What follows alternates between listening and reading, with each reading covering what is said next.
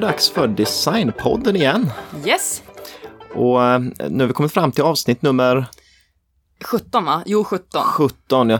Och, och det blir eh, den här säsongens sista vanliga avsnitt. Mm, det blir det. Eh, vi kommer att ha ett avsnitt nästa vecka också, men då kommer vi mer att samla ihop, ihop säsongen lite och prata lite om vad vi har kommit fram till och vad vi tyckte var roligt och lite sånt Svamla där. på lite. Ja, därför så blir det här det sista ämnet eh, för säsongen då, som är eget ämne om man säger. Precis. Och då ska vi prata om, Ja, vi måste ju prata om Josef Frank. mm, exakt. När vi har pratat om Estrid Eriksson. Funderade på om vi skulle spara det lite, men vi kände att nej. Vi liksom, nu vill vi samla ihop här Svensk Tenn. Ja, och det känns ju som att Josef Frank, han är ju alltid aktuell och en av de här riktigt viktiga personerna Mm. i den svenska formgivningen. Oh ja. Ehm, och, och därför så, ja, Men vi avslutar lite big. ja, Eller precis. avslutar låter Serry. Alltså, vi kommer ju tillbaka om ni vill det. Ja, men, men eh, ja, det känns som ett värdigt slut på den här säsongen. Eller hur? Ja, så då ska vi väl kasta oss in på eh, veckans ämne. Det gör vi. Och vi som pratar heter precis som alltid Sanna och Andreas och ni lyssnar på Designpodden.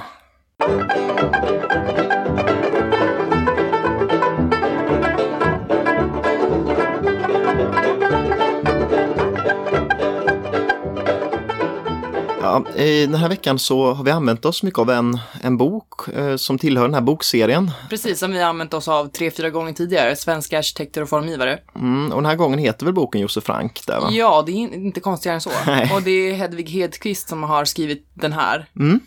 Och den är ju som vanligt, hela den här serien verkar ju vara awesome, men de är ju så sjukt informativa. Och, Ja, så vi kan rekommendera dem skarpt förstås. Oh ja. Och uppdelningen den här veckan, det blir ju lite, eh, nu börjar ju du med att köra tidig Ja, historia. Jag tar vid eh, någon gång eh, lite en bit in där i historien. det Då. märks va? Ja. Men jag tänkte, bara innan vi sätter igång, jag Mhm, hittade ett citat av Josef Frank som är lite, lite kul Okej. på något sätt. Och det, man kan ju fundera på det citatet sen när man tänker på vad han gör och hans idéer och så. Men Spännande. det är i alla fall så här, han, han beskrev lite det här med hur ett hem ska vara. Ehm, och då sa han så här att eh, det är inte nödvändigt att man har det vackert omkring sig. Det är inte ens viktigt. Det viktiga är bara att man har det skönt, att man har saker omkring, omkring sig som man trivs med. Ja, men det har i. och det kanske på något sätt, vi kommer nog fram till någonting kring de orden så här mot slutet tror jag. Ja, det är bra. Hö- nu har ju folk höga förväntningar här. Aj, aj, aj, ja. Darn. Men det, får, det får hänga på dig. Tack. Ja. Josef Frank då. Jag kommer kalla honom för Josef. Kommer du kalla honom för Frank? Jag vet inte. ja, jag vet Jag inte. gillar förnamn, han Ja. liksom på förnamnsbasis här. Men han föddes i alla fall den 15 juli 1885 i Baden. Mm. Och då tänker jag ju bara på de här Baden-Baden. Har det något med det att göra? Jag vet inte. Det är i alla fall det jag tänker. Men vi är Österrike här va? Ja, tre mil söder om Wien. Mm. Han var nummer två av en syskonskara på fyra. Familjen Frank var då judar och tydligen så hade judar inte ens fått bo vart de ville, Nej. utan de fick bo i vissa områden. Mm. Men i slutet på 1800-talet i alla fall så fick de bo vart de ville. Familjen Frank hamnade då i Wien. Mm. Wien var ju också en eh, kulturmetropol. Jo, men det är klart, det var ju redan då, för det är väl det man tänker på mycket med Wien. Så här, kultur och teater och massa sånt. Kommer inte gå in mer på det, men eh, det kan man ju ha i åtanke. Mm. Josef växer upp i ett kreativt klimat, eh, säger vi ganska ofta, för tydligen verkar ofta föräldrarna vara lite kreativa. Ja, att man kanske leds in på sin yrkesbana.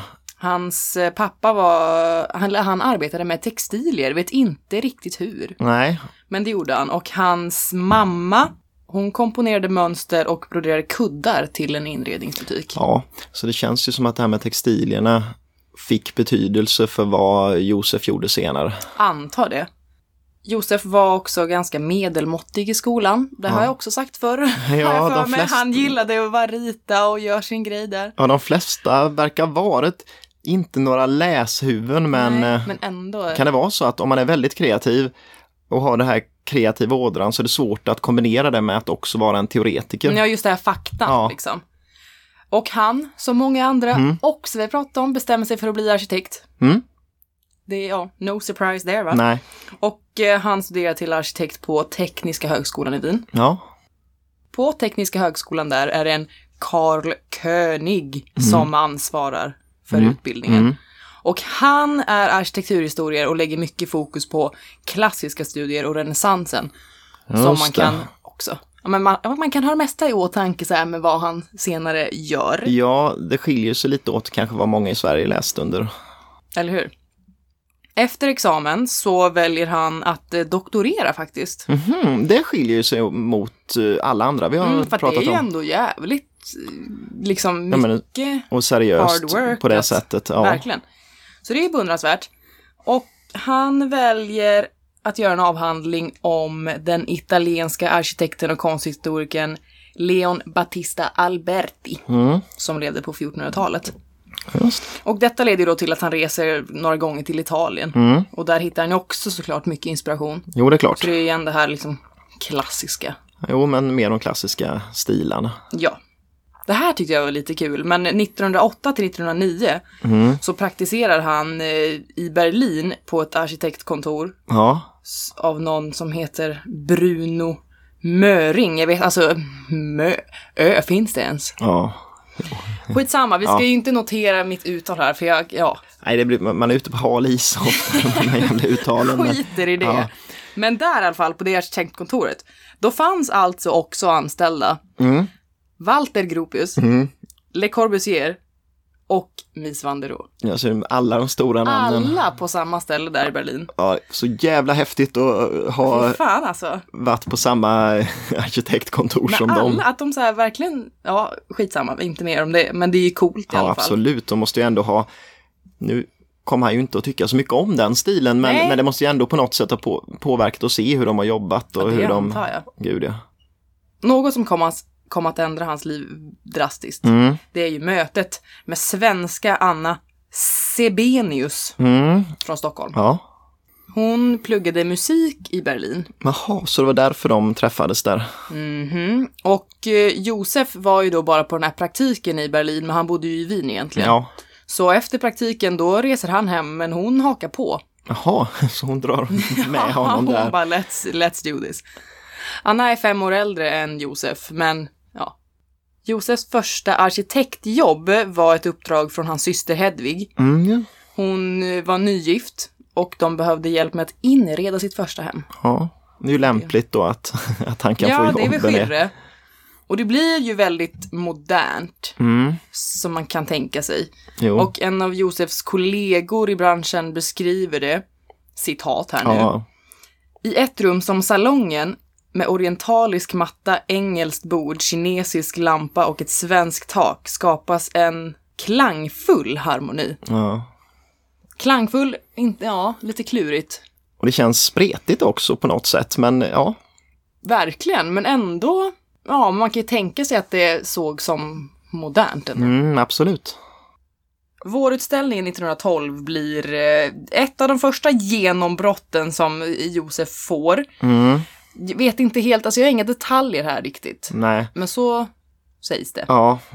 Och han får efter den här utställningen uppdraget att eh, rita inredningen till det östasiatiska museet i Köln. ja, och det är ju ett jädra bra uppdrag då förstås. eh, För han är ung och eh, han har haft sin första stora utställning och sen Mhm. får han det uppdraget. Det är ju förstås jätteviktigt. Självklart, så det fattar man ju att det blir liksom genombrottet. Men vad han gjorde det på utställningen, I don't know. Nej, De flyttar då tillfälligt till Köln, vilket man ju förstår. ja, Och stort. där gifter de sig också. Jaha.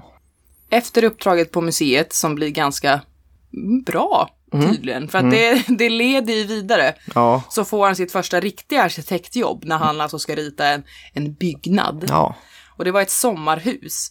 Mm. Och han skulle då rita byggnaden och inredningen så att hela liksom, Ja, som många verkar ha gjort just där, att få göra både huset och sen inreda det med sina egna möbler. det är jävla coolt ändå, Ja. det skulle man göra. Moving on. Samtidigt i alla fall som han jobbar med det här så får han nya beställningar också. Mm. Av en Villa Scholl och en Villa Strauss i Wien. Ja, Det kan man googla upp för det, det gjorde jag. Ganska coola ja det ändå. finns bilder på. Ja, och de blir ju succéer. Ja, Så kommer vi då till 1914. Och vad händer då? Ja, någonting utbryter, någon blir skjuten. Nej men gud, Nej, så men- skrattar vi. Ja men det är Ja, ju liksom... första världskriget. Det är första världskriget Mm. obviously.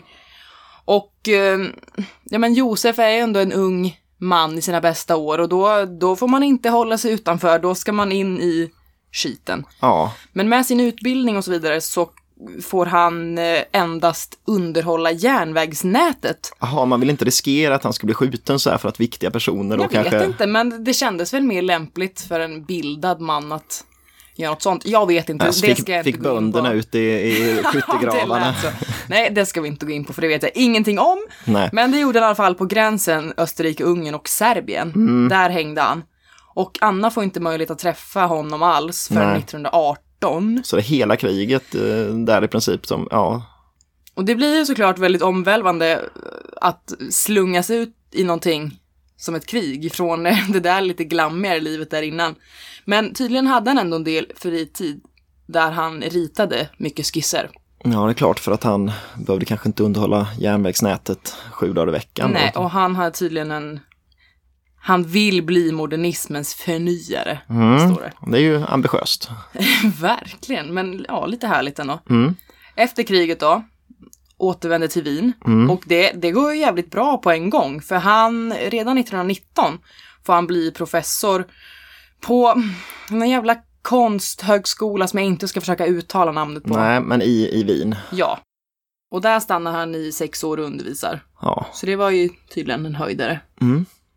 Och i åren som följer så ritar han och bygger hus i staden, för det är ju väldigt bostadsbrist efter krig och så. Mm, det är klart och ja, ekonomin återhämtas efter kriget och sådär. Sen måste vi ju då nämna Estrid Eriksson. Mm, det är klart för att när kommer hon in i bilden? Ja, alltså liksom? det, det var ju där i krokarna som hon för första gången såg en möbel av Josef Frank. Ja, okej, ja. Och det var hemma hos familjen Lundberg på Djursholm. I. Djursholm. På? Jag vet inte vad man säger, skitsamma. Och det var någon pinnstol bara. Men de hade då något som Josef Frank hade gjort, de hade tagit med till Sverige. Precis ja, för han och några arkitektkollegor hade startat en inredningsfirma som heter Hausen Garden. Garten. Mm. Skitsamma. Fan att jag ska fucka med allt med uttalet. Ja. Don't judge me. Och de hade synts på världsutställningen i Paris 1925. Mm. Och jag vet inte med vad och så vidare. Nej, men... Men de blev ju väldigt internationellt uppmärksammade då. Mm. Och jag antar att det var i liksom de krokarna hon hon eh, såg saker som eh, han hade gjort då. Mm. Från 20-talet och framåt också så har Josef och Anna spenderat somrar i Sverige, Mm. i Falsterbo med Annas familj. Ja. Och här i Sverige har han också byggt några hus faktiskt. Mm. Bland annat Villa Karlsten och Villa Claesson. Mm. Och Villa Claesson står i boken tydligen blir ett av Falsterbos största sevärdheter. Jag vet inte om det är riktigt, liksom, ja jag vet inte. Det säger Men- kanske lika mycket om Falsterbo som om, om Det var Villa Claesson. Men Nej men jag googlade inte det ens, jag må- måste se hur det ser ut ju Ja. uppenbarligen.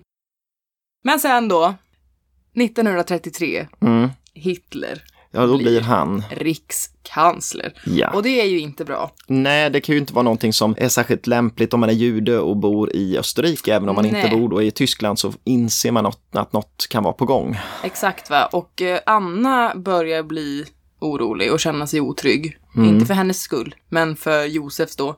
För att hon känner att det här, det här bådar inte gott. Så hon vill flytta hem till Sverige. Mm. Och bristen på jobb eh, inom hans sektor gör ändå att, ja men fan, de, de kör på. Och Estrid Eriksson har faktiskt hört av sig till honom om ett samarbete. Ja, just det.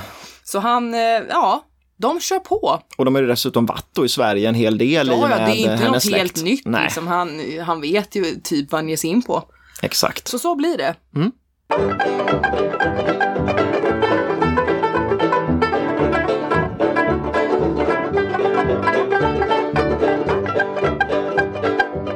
Ja, så det, det mynnar ju ut i ett flyttlass till Sverige Ja. helt enkelt. Och eh, de flyttar till en, till en lägenhet då på Erik Dahlbergsgatan på Gärdet. Mm, mm. Och det är fler som har bott Grossman. på Gärdet. Ja, Grossman har också bott på Gärdet. Eh, och, och, det, ja. eh, och det är ett funkishus de flyttar till så att eh, ja, det liksom Mm. Det är kanske är, precis i funkiskrokarna så mm, att och säga. det är kanske väldigt passande ändå på något sätt. oh, ja. Ehm, och precis i den här vevan också då, den 3 september 1934, så eh, då, då, då, får eh, Svenskt Tenn ta över övervåningen också på Strandvägen. Mm -hmm. Och då kan man utöka till att visa då vardagsrum och sovrum och matrum mm, och så mm. i de här eh, lägenheterna där ja, över. Ja, ja, eh, men då behövs det ju möbler. Och då är det ju klockrent att eh, man har fått in Josef Frank till Sverige för att då kan han rita möbler och han har dessutom med sig mycket möbelmodeller som man bara mm. kan liksom lägga in i Svenskt Tenns sortiment. Och för jag menar Josef han, han äger fortfarande delar av det här eh, House und Garten i, i Wien. Mm. Och han producerar saker för båda företagen. Så att han producerar både för Svenskt Tenn och för sitt eget företag i, i Wien. Eh, och under den här perioden så, trots att han bor då i Sverige, så reser han ju ofta ner till mm. Eh, hemlandet. Eh, och han men gör är också... det så lätt? Ja, men tydligen är det. Ja, det är ju inte ja. några jätteavstånd ändå. Nej, jag tänkte på krig ja. Mm, men det har inte riktigt ut... Ja, det har ju... Ja, ja vi, vi är inte framme i 39 än Nej. riktigt.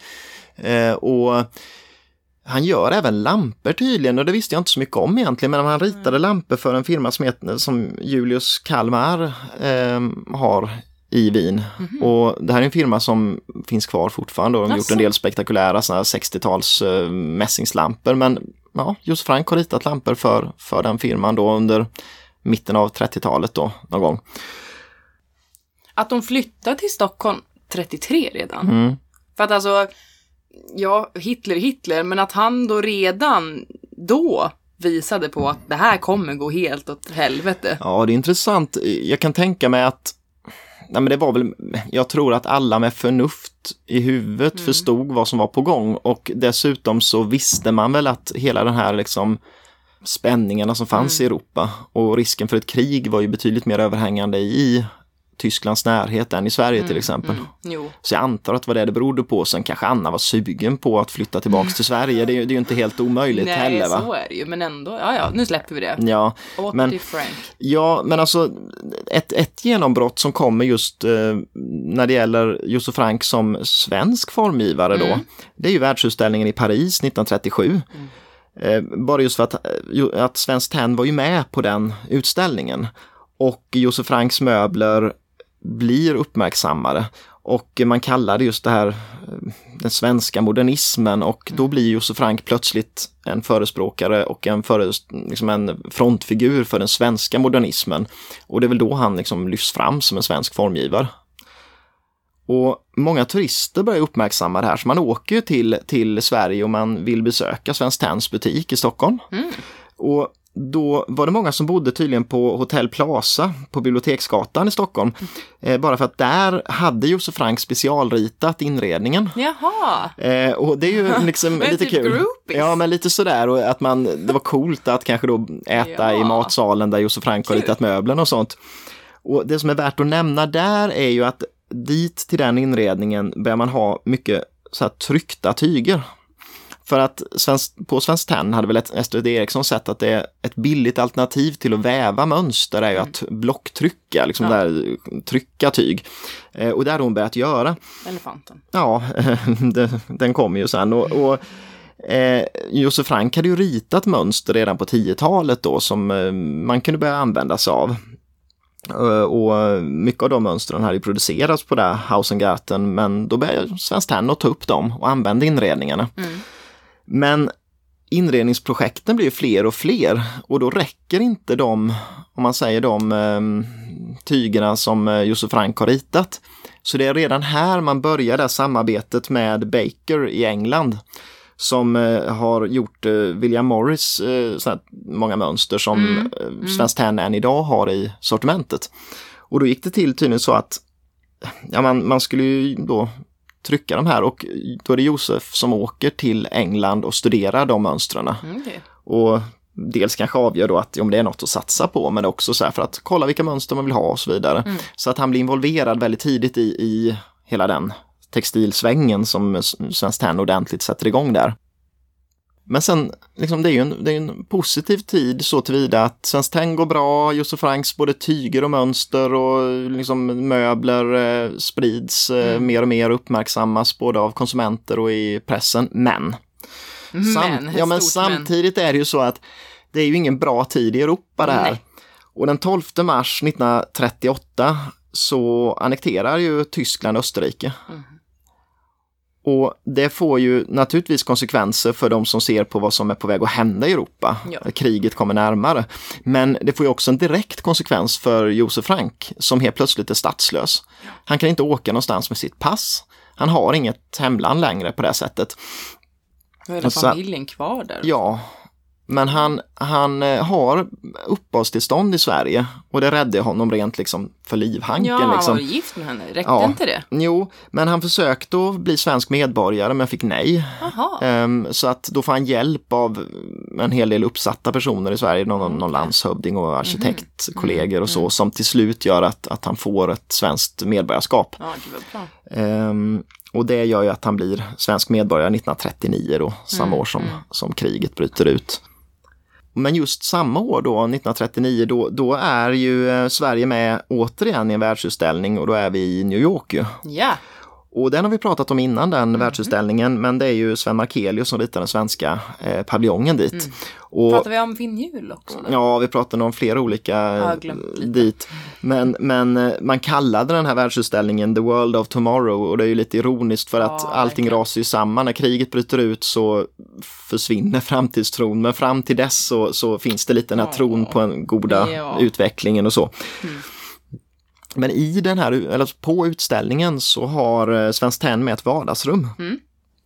Eh, Och det har eh, Estrid Eriksson och Josef Frank ritat och satt samman då. Och det är ganska, ganska spektakulärt för det, det är väldigt så här grafiskt, det, golvet är svartvitt rutigt och eh, svartvitt rutig textil på en soffa där och så.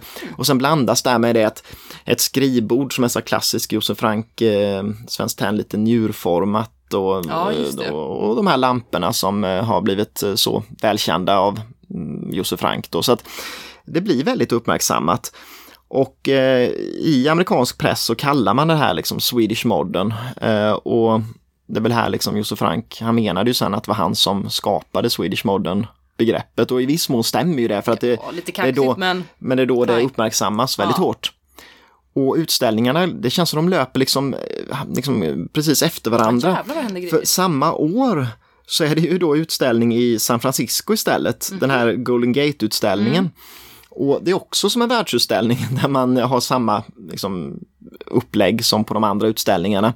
Och här vill man ju fira dels liksom staden naturligtvis som ett Mm. designcentrum men också att Golden Gate-bron hade byggts två år tidigare. Så Ja. att, eh, så. Och, och där eh, liksom har, har Josef Frank, han, han ritar ett sovrum dit. Mhm.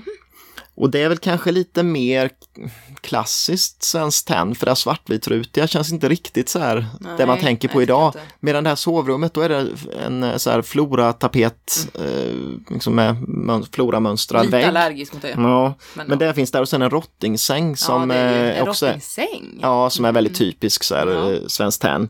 Och sen finns det en väldigt cool grej i den här utställningen, det är ett toalettbord Mhm. med Själva bordet i sig påminner om de här raka, det raka skrivbordet som Josef Frank har ritat. Mm, Men sen är det tre runda speglar över som Nej. blir sån cool, ja, det där är jättecoolt är i alla fall. vinklingsbara? Nej, vet jag inte, jag tror inte det, den var nog bara rakt. Men, Kul. men väldigt cool, cool möbel i alla fall. Varför jobbar vi inte sådär med utställningar idag? Jag vet inte, för det är inte alls lika uppmärksammat på, Nej. på samma sätt Det längre. är jättedumt. Ja, för att jag menar, de här, som Stockholmsutställningen så var ju så här 80% av befolkningen besökte den och det så. hade Men, varit så kul Ja, att man hade åkt runt på varenda jävla världsutställning. jo, och det, för det är ju så viktigt för att resultatet av de här utställningarna som var, Det är ju enorma. ja det är ju så att Frank blir synonym med Swedish Modern Ja. och eh, liksom på något sätt den svenska modernismen får ju sin egen genre i de här och eh, naturligtvis är det ju fantastiskt för Josef Frank själv också som eh, blir eh, liksom synonym med den här svenska Ja, moderna rörelsen då. Men som vi nämnde så utbryter ju kriget då 1939. Och det gör ju att, Säger vi det i varje avsnitt? ja jag tror det för att andra världskriget är så, det, det har styrt hela den här designutvecklingen under självklart, 1900-talet. Självklart. Och just för Josef Frank, det blir så, så påtagligt på ett privat plan för han ser vad som händer i Österrike. Det är massarresteringar av politiska eh, liksom, oliktänkande, av eh, judar och av eh, liksom så. Så att det, det, det är en orolig tid va? och många av de här personerna de flyr till Sverige. Eh, Och därför finns det en grupp människor som dels då flyktingar ifrån bland annat Österrike men också andra människor i, i, ehm, i, ehm, liksom, ja, i arkitektvärlden i, i Stockholm som ofta hängde då på den här i, i Frank och Annas lägenhet. Eh, och nu har de en lägenhet på Rindugatan på Östermalm. Det beskrivs så att de hade ofta tebjudningar där, där Anna bjöd på te och Josef satt och pratade om eh, ja, utvecklingen i världen och om eh, då, arkitektur. jävlarna? Ja, hon gjorde tydligen det väldigt mycket. Och det var mycket kvinnliga, eh, liksom så här, kvinnliga mm, personer som Nähä. besökte lägenheten. Det är något som återkommer i hela hans liv där. Men, men, Vadå, eh, girls? Ja, tydligen. Men, girls? ja, det gjorde han tydligen. Men sen vet jag inte om han, han hade väl inget, det nämns aldrig, men man har inte hört att han haft några, förhå- liksom, några Relations. nej. Men, men det var mycket kvinnor där i alla fall. Ja, ja. Men hur som helst, det var ju mycket så här, det verkar som en lite lättsam stämning, men den enda som aldrig var där på några bjudningar var Estrid Eriksson. Nähä. Eh, De hade inte alls någon privat relation överhuvudtaget. Eh, När de, Mm. när de pratade med varandra så kallade hon honom professor Frank och eh, han sa fröken Eriksson. Så att det, de hade ingen, ingen alltså, det beskrevs som att de var från helt eh, olika samhällsskikt och helt Jo, olika bakgrund. Så att de hade liksom inget gemensamt förutom formspråket och designen. Kan inte det vara lite härligt då? För jag vet inte om man ska egentligen anta att man ska hänga på Nej, fritiden. jag tror att det, man man, jobbar. har bara utgått från det när man har tänkt Ja, på men de det. ser För att, ju ut som bra polare Ja. på bilder Ja. som man har sett. Men de är tydligen, liksom, de hittar varandra i, i designen. Och men, inget annat, i, ja. Nej, Men precis. lite poetiskt ändå. Men i den här lägenheten då på Rindögatan, det är ju liksom inte, för, för på den tiden så var inte Josef Frank någon liksom överklass och så, även att han bodde på Östermalm som inte var lika märkvärdigt Nej, då nej. som idag. Så att det var en tvårummare. Och så fanns det en liten alkov och den alkoven eh, använde Josef Frank då till eh, ritstudio, så det var där han satt och ritade. Och mycket av det han gjorde då var att han eh, han liksom modifierade och ändrade lite grann på de modellerna han redan hade för, för företaget i, i Wien då. Och sen så modifierade de till den svenska marknaden, till olika projekt och sen så såldes det via Svenskt Tenn. Och sen en standardgrej han tydligen gjorde nästan dagligen var att han promenerade ner till Strandvägen till Svenskt Tenn där och pratade med personalen och, och folk där. Och det, det beskrivs lite roligt i boken vi har läst här att, att han, eh, många vill, vill ha synpunkter från honom eh, om eh, Jaha. hur ska det vara i det här projektet. Jag tycker att vi ska ha blå eller, eller, eller grön färg på den här eller så. Men han svarade ofta så här att äh, men det kan vara hur som helst, det spelar inte så stor roll. Så att han menar att, att man, ska inte, man ska inte bry sig så där fasligt mycket. Och han, han är inte den här kontrollfreaken som många andra har beskrivits som, utan det får bli lite som det är. Och han har beskrivit liksom möbler, ja men det är ju, det kommer från att de är mobila eh, från början ju ordet och det ska vara liksom, man ska kunna flytta runt dem och sådär. Det ska inte vara så jävla kinkigt hur saker och ting placeras Fast och hur det ska vara. lite bulkiga grejer för att hålla på och flytta runt. Ja, Vissa men- soffor bara. Ja, det- men det är väl kanske mer det där att det måste inte vara på ett visst sätt utan eh, man Nej, ska och kunna bo in sig med det sådär. Hur som helst, va? så ja, eh, det är ju krig och eh, oroliga tider. Och en av hans bröder eh, bor i USA, Philip. Och han är gästprofessor eh, på Stanford. Eh, och han vill ju få dit Josef, va? för att han, han tycker så här att han ska inte vara i Europa överhuvudtaget. Nej. För att han har ju sett vad som har hänt med den judiska befolkningen i Tyskland och eh, han ser väl också säkert framför sig att Sverige också kan bli ockuperat. Mm, ja, det är inte omöjligt. Och alltså att han, han tjatar på sin bror att, att flytta till USA. Och det stretade väl säkert eh, Josef emot lite på för att jag menar, han var 17, eh, det gick ju bra i Stockholm och, och han hade bra jobb på Svenskt Tenn. Men så då 9 april 1940 hände ju något. Ska jag svara? Ja, du kan ju svara om du vill. Nej, jag vet inte. nej men, Sätt mig inte i sådana här situationer. nej, Det nej men, framstår inte som very bright. Äh, men, men i alla fall, som vi alla vet så blev ju Danmark och Norge ockuperat av tyskarna. Ja, Men vadå, som vi alla vet. Ja, att det men- var 9 augusti. Nej, det vet vi inte däremot Nej, kanske. Men försök inte. Nej, men i alla fall, det, det gör ju att situationen helt plötsligt Ja, är lite ja. annorlunda. Självklart. För att dels så är ju Sverige omringat av Mhm. nazismen. Nazismen.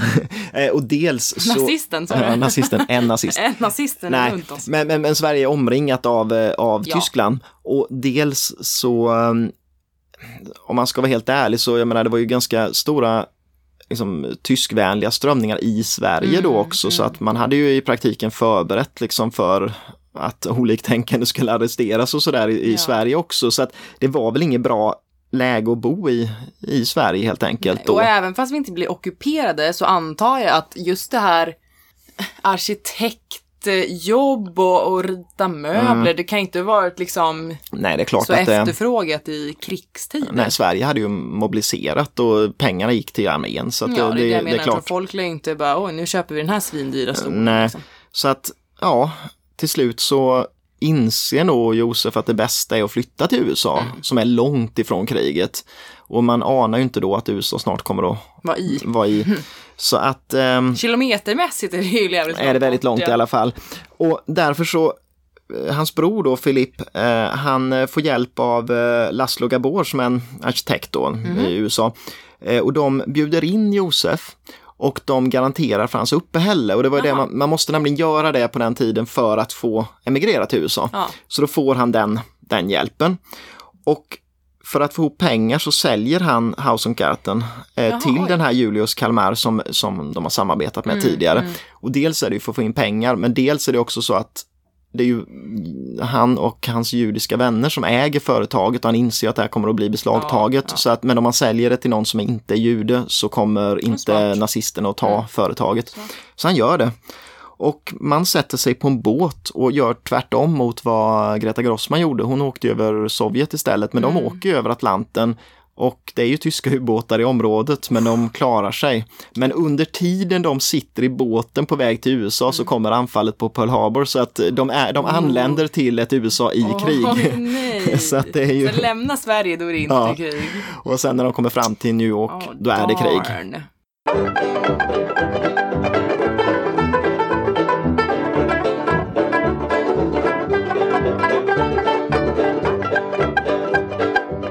Men de kommer till New York. Hur lång tid tar den? Ja, det tar ju ganska lång tid. Eh, så att eh, det är klart, det måste vara extremt oroligt att åka över. Titanic? Nej då. Ja, men men de, de, de får en lägenhet i New York i alla fall. Mhm. På 50 Park Terrace East. Mm. Eh, och han, det det här jobbet han får är som att undervisa på New School for Social Research. Mhm. Eh, och då undervisar han i arkitektur.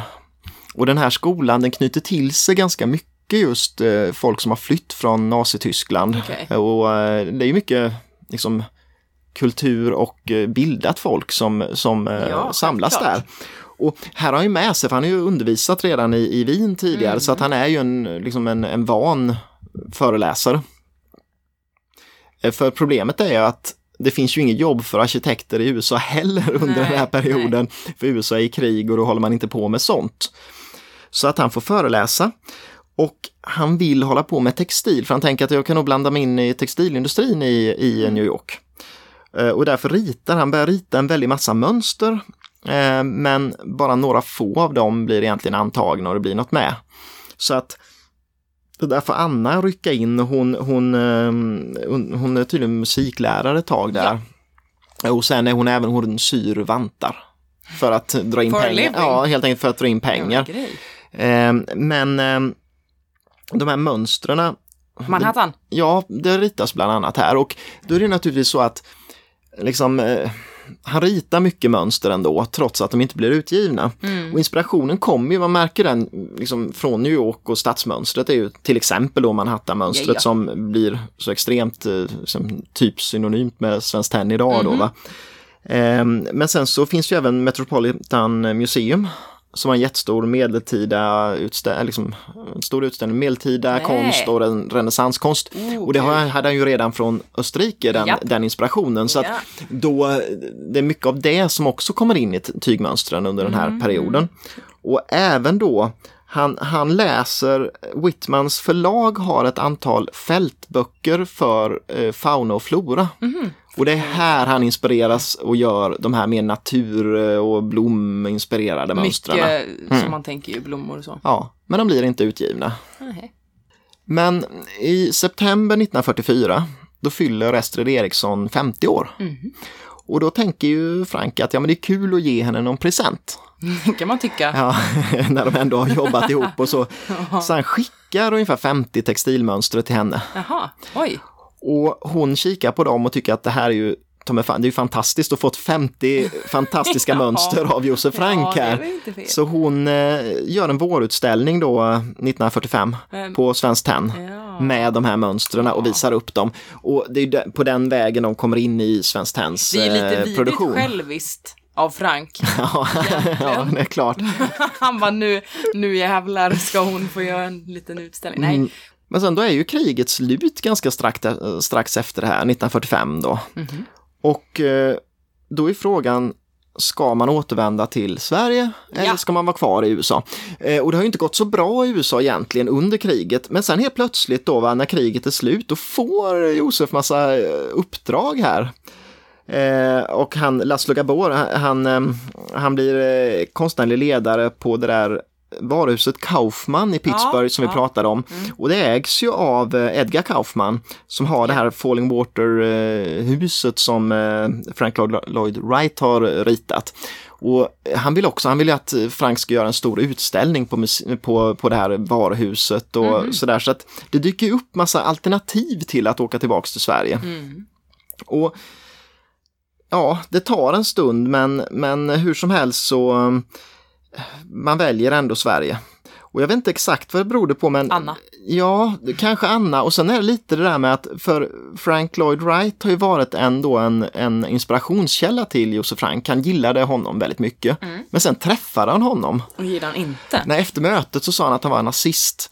Eh, och han hade tydligen, det första han hade sagt var att det är ingen skillnad på Roosevelt och Stalin och sådär. Så han var tydligen extremt osympatisk Oh. enligt Josef Frank. Så Ja, möjligtvis att det kan ha påverkat att "Nej, jag, jag vill fan inte göra något på det där, Nej, på den där eh, hans, hans företag. Så, så de åker tillbaks till Sverige då i februari 1946. Mm. Kommer till Göteborg och möts av journalister och ja, nu har de återvänt till Sverige i alla fall. Väl tillbaka i Stockholm, då finns den här lägenheten på Rindögatan kvar. Den verkar de ha haft hela tiden då, men den har stått tom. Ja, det måste de ha gjort. Dessutom då, efter kriget, då är ekonomin på högvarv igen. Jävlar! Svenska, Svenskt Tenn behöver möbler. Och det är ju en bra period att komma tillbaks. Få rita möbler. Och det är ju nu bland annat Floraskåpet kommer till. Ehm, och även det här, det finns ett vitrinskåp till exempel som är väldigt graciöst som står på en, en tunn smäcker benställning och sen så är det ett vitrinskåp med glas åt alla håll i. Ja. i sådär. Det är ett, den, de möblerna kommer till här nu i, precis när han är tillbaks i, i Sverige igen. Och ganska direkt också så vill Nationalmuseum ha en utställning Ja. som de kallar eh, eh, Josef Frank 20 år på Svenskt Tenn. Och det här är anmärkningsvärt faktiskt för att eh, Nationalmuseum har som princip att aldrig ha utställningar med levande konstnärer utan de måste vara döda. Av någon jävla anledning som jag inte kan förstå. weird. Jo, det är ju vansinnig naturligtvis grundprincip men behöver inte gå in på Nej, nu. Men de gör ju ett undantag. Eh, så att eh, Estrid och Josef de, eh, de planerar utställningen och gör en jäkla utställning där med blandning av allt från mö- möbler liksom till textilier och mindre föremål. Och till den här utställningen då så tar Josef Frank upp ett skåp då som kallas skåp med 21 lådor. Eh, Jag kallar det för Nationalmuseumskåpet. Ja, det kommer ju sen för att Nationalmuseum köper in det här skåpet till, till utställningen. Sen till, till, eller till sina samlingar helt enkelt. Och det som hör till saken är att skåpet har 19 lådor. Va? Eh, Men tydligen ändrade. Josef Frank originalritningen. Det ritades redan 1938 tror Men han räknar fel. nej, men, men det blev dålig harmoni tydligen med, med 21 lådor så det blir Men liksom det är det snyggare med. Bästa skåpet. Det är så jävla Ja, coolt. det här Nationalmuseumskåpet är väl en av favoriterna. Älskar det. Och det, trots att det då ja, ritades 38 så Mm. blir det ju väldigt uppmärksammat i och med att jag Nationalmuseum köper in det. Ja, men det, det är Vi ska fint. gå in på kostnader sen Mm. så att vi får se om jag får ett julklapp eller inte. Men här tänkte jag lite egentligen avrunda Mm. Josef Frank lite med att återknyta till det här som vi sa i början, det här citatet, att det inte är så jävla noga i princip. Eh, och det är att Josef Frank passar inte in i den svenska modernismen alls. Nej. Och liksom han, han gillade ju inte alls Bauhaus, de här kantiga formerna. Han gillade inte stålrör och han sa till exempel att han kraftigt ogillade Myranstolen. Det var inte alls något heller som han tyckte om. Han-. Ja, men han hade ju liksom ingen kontakt överhuvudtaget nästan med de andra stora arkitekterna i, i Skandinavien under den här perioden. Han gillade Karre Klint, men så var nog ingen annan han direkt uttryckte någon så större att han tyckte om då. Och det som, det som kan vara värt att nämna är väl lite att till exempel, han blev aldrig inbjuden till att föreläsa på Konstfack. Och han nämndes eh, väldigt sällan på Konstfack, eh, säger de som var studenter då på den tiden. Och Det här kan ha berott på naturligtvis att han var jude. Det kan bero på att han var liksom utländsk arkitekt som kommer till Sverige och, och Ja, ritar. det. Och det känns ju som att det fanns en pro- protektionism liksom bland den svenska Mm, arkitektkåren. Och um, dessutom då givetvis att han inte gillade riktigt den här funkisströmningen som fanns i Sverige. Och därför så, liksom han, han försvinner väl iväg lite. Han, han tillbringar mycket tid eh, på franska ri- rivieran istället och ritar akvareller och är de som varit Ja, utställda i Stockholm det. nu. Mm. Och de har inte varit så uppmärksammade tidigare men har ställts ut nu första gången. Och jag vet inte, förmodligen beror det lite på den här inställningen till ehm, Ja men till sina kollegor helt enkelt. För han har en, en artikel i tidningen Form eh, som man kallar äh, accidentism eh, tydligen. Och det är ett ord han själv kommer på. Men, men det är ju att det är en attack mot funkisen. För han tycker att funkisen är bara larvigt va. Utan han har ritat bland annat då akvareller, han har ritat antal hus eller villor då va. Och då tycker han att, ja men jag ritar de här på måfå. För det, det ska inte vara så jävla funktionellt allting. Och han vänder sig mot liksom bilen till exempel som företeelse. Han tycker att det är bara så här, man tänker på att man ska kunna åka i den men förr har man ritat häst och vagn, då har man ritat för att det ska vara snyggt. Jaha, inte Eh. Mm. Och han menar ju på till exempel att man kan visst bygga ett hus i en gammal stil och det är fortfarande lika funktionellt. Ja, Det är bara liksom en, en förevändning för att göra fula saker, det här med funktionalismen. Jag håller lite med faktiskt. Och dessutom menar han ju då att ett hem som man trivs i uppstår av tillfälligheter. Eh, Det vill säga att liksom, du köper någonting för att du gillar det men inte för att... Man har inte planerat På något sätt skulle han inte gilla det här. Eh, idag är det många som kanske har någon arkitekt som ritar Mm. inredningen till din lägenhet och sånt där. Och det menar han väl är Men skitsnack det gjorde han liksom. ju själv. Mm, men det är väl därför han var lite mer det här att men folk ska själva sen sätta sin prägel på Mm, det och de ska, lite. ja, så att, eh, ja, Just den där blandningen som jag beskrev med det där citatet också. jo men precis.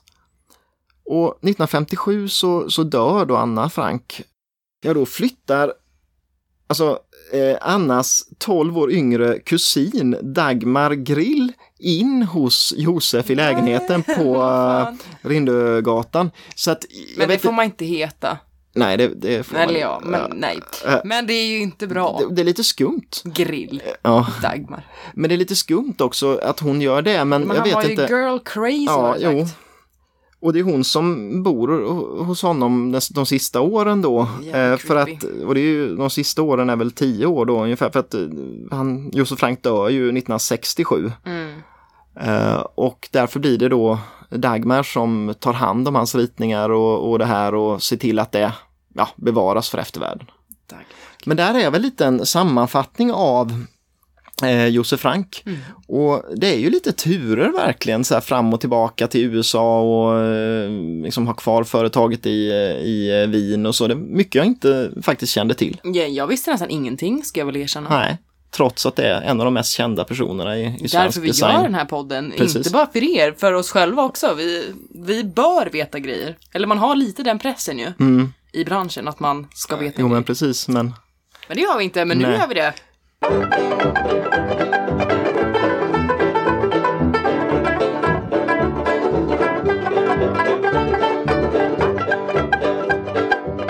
Vi såg in på klubblag som vanligt, det måste man. ja, och det är ju lite roligare här igen. Ja, med- det är det roligaste jag vet, speciellt när det är mycket pengar det handlar om. mm, och det kan det väl Vilket vara. gör, precis. För att Josef Frank har ju en väldigt hög prisbild på auktionen då. Jo, Det finns ju nyproduktion också av Mm. eh, de flesta grejer. Så jag ska ta upp eh, exempel på vad det kostar på auktion och vad det kostar nypris. ja, Då har vi då eh, första exemplet en karmstol. Mm. Modell 969. Ja. Såldes ett par på auktion för 10 000. Mm. Nypris kostar en runt 20. Ja, okej, ja. Ja, just det, den karmstolen som har ganska snygg rygg, men Mm, den men man förstörs täcker av att den man med- täcker den med en, en dyna. Ja, Soffor finns det ju också olika modeller, men de ser ju ganska snarlika ut, så att jag specificerade inte egentligen så. nej, precis. Men så här pull, bu, bullsiga, bullsiga är inte ett ord, men ni förstår. Ja. med, med tyg och Josef Frank. Mm, den här klassiska man tänker på med Josef Frank. Eh, Och nypris på de flesta soffor på Svenskt Tenn är runt 40. Mm. Och på auktion, det pendlar ju mycket, men det är ju i alla fall mellan 15 och eh, 25. men är det inte så att det är nypris är 40 plus textil och det är ungefär lika Jo, dyrt som... Eh, Precis. ja, Och jag har inte exakt vad textilierna kostar, men det är ju inte små pengar. man kan tänka mig att det blir en dubbling ungefär av, eh, av priset. Ja, det har nog rätt i. Och då är det ju uppenbarligen billigare som fan att köpa på auktion. Ja, När det kostar runt 15 mm, 20 000. just det. Såldes också en matta för ett tag sedan. Mm. Som heter Arcade eller Arcade beroende på international om man vill vara. Mm, just det. det. Ganska stor rund. känns som ett sånt mönster som man ritade under perioden i New York. Nu vet jag inte det, men det är så här Speciellt väldigt eftersom att den abstrakt. heter Arcade stavad med engelsk stavning. Och den såldes ju för 17 000 och det är ju inte så mycket för en matta. Nej, Om man ska vara, alltså mattor, det har jag ju lärt mig i, i, när man jobbar i den här branschen. Fan vad det kan kosta. ja, särskilt, alltså nya mattor, eh, det är inte ovanligt med 50, 60, Nej, 70 det är, jag tycker tusen det för är matta. Mm. helt sjukt alltså. Men det ska vi inte gå in på mer än så. Sen hittade jag även ett exempel med sex stycken stolar med en så här flätad rottingrygg. Mm, Som är ganska vanlig. mm, Då sålde sex stycken för 36 000. ja, Och det är ju... Det är mycket, men det är ändå sex stolar. ja, så det är ju ett bra sätt där med. Ja, speciellt när jag såg att nypris kostar alltså en sån stol 9800. Ja, Så att, eh, det, ja, jo men då är det ju ändå halva priset. Ja. åtminstone. Ja. det är sjukt. Sen lampor gjorde han ju mycket, som du har varit lite inne på. Jo men precis, och tydligen då både för Svenskt Tenn och för den här firman Kalmar i, i eh, Österrike och de har jag ingen koll på överhuvudtaget. Nej, men de andra ser man ju ofta. Ja, och här är då en eh, golvlampa, Svenskt Tenn. Ja, precis. Det är den här, eh, som ett exempel, är ju modell eh, 1842. En sån här klassisk med tre fötter om man säger, med små kulor längst ner. Mm. Just det, och, sen- kostar sen- på auktion ungefär 5000 beroende på såklart. Ja. Eh, nypris ligger på 7800 plus skärm. Det, ja, Eh, plus så, att, skärm ja. eh, så att det är klart man kommer upp, men ändå rätt bra bet- eh, liksom, för att man kommer en bit över hälften i, i um, auktionspris på dem. Så att Mm, det är ju det är ju bra ändå. Verkligen. Sen en pall, som jag tyckte ändå var, för att en pall är ju en pall, tycker jag. Mm, Vem det än är som har formgivit den. mm. Modell 647. Ja, och den är ganska så här, bara en rund pall Det är en rund pall med, stopp- fyra ben och stoppad sits, ja. Mhm. Skittråkig. Jag ska säga vad jag tycker. Så, ja. 5600 på auktion hittade jag ett exempel och Mhm. det var bara ett exempel och då kostar den bara 10 000 Mm, i nypris. precis. Och det är ju mer än hälften. Ja, och sen... Det är, det är ju en pall. Nej, jag ska inte gå in på det mer, men det tycker jag är bullshit. Sen kommer vi in på det lite roliga och det är ju skåpen, för att det är ändå skåpen som kostar mest. Mm, och som är bäst hantverk säkert också. Mest jobb att ta fram. Ja, och då Flora och Nationalmuseumskåpet. Mm. Det, det är ju de liksom, Som kostar riktigt som är i mycket. Ja. toppen. Mm.